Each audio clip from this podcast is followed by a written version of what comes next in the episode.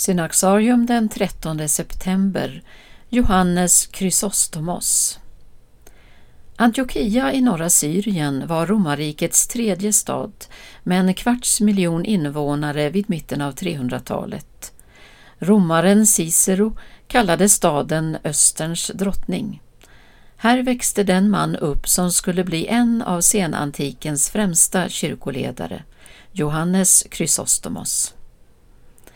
Vid mitten av 370-talet söker sig den då 18-årige Johannes, son till änkan efter en framstående officer, upp i bergen ovanför Antiochia för att få sin andliga skolning bland eremiterna. Efter 24 månader återvänder han till staden och blir diakon i kyrkan. Fem år senare prästvigs han och får samtidigt ansvaret för predikstolen i Antiochias huvudkyrka. Det var inledningen på en tolvårig predikogärning som gav Johannes smeknamnet Chrysostomos, Guldmunnen. De ledande kristna förkunnarna vid denna tid var jämspelta med samtidens stora retoriker. Johannes tillhörde de allra främsta. I hans predikan ljuder ekot från två håll. Ropet från stadens fattiga, som låg tungt på hans hjärta, och den radikala utmaningen från eremiterna i bergen. När du klagar över att ha bett utan att ha fått svar, betänk då hur ofta du hört den fattiges rop utan att ha lyssnat till honom, säger han i en predikan. Men Johannes tid som ledare för församlingen i Antiochia fick ett abrupt slut när han motvilligt utnämndes till patriark av Konstantinopel år 397.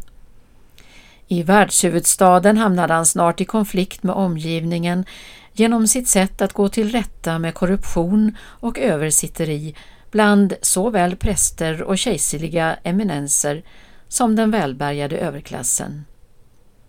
Missnöjet med den nye patriarken växte till rent hat och när Johannes påsknatten år 404 förrättade dop i ett av badhusen i Konstantinopel avbröts gudstjänsten av instormande soldater.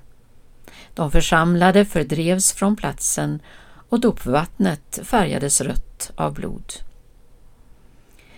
Den 9 juni samma år, fem dagar efter pingst, förvisades Johannes från Konstantinopel.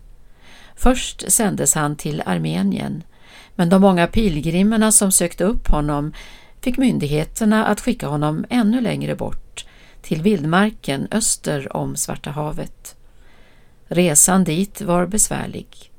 I pinande kyla och regn tvingades Johannes vandra till fots den långa vägen, bevakad av ridande soldater.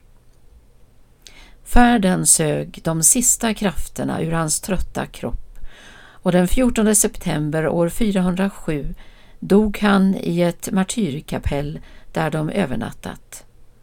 Johannes bad att få bli iklädd vita kläder och fira eukaristin ännu en gång.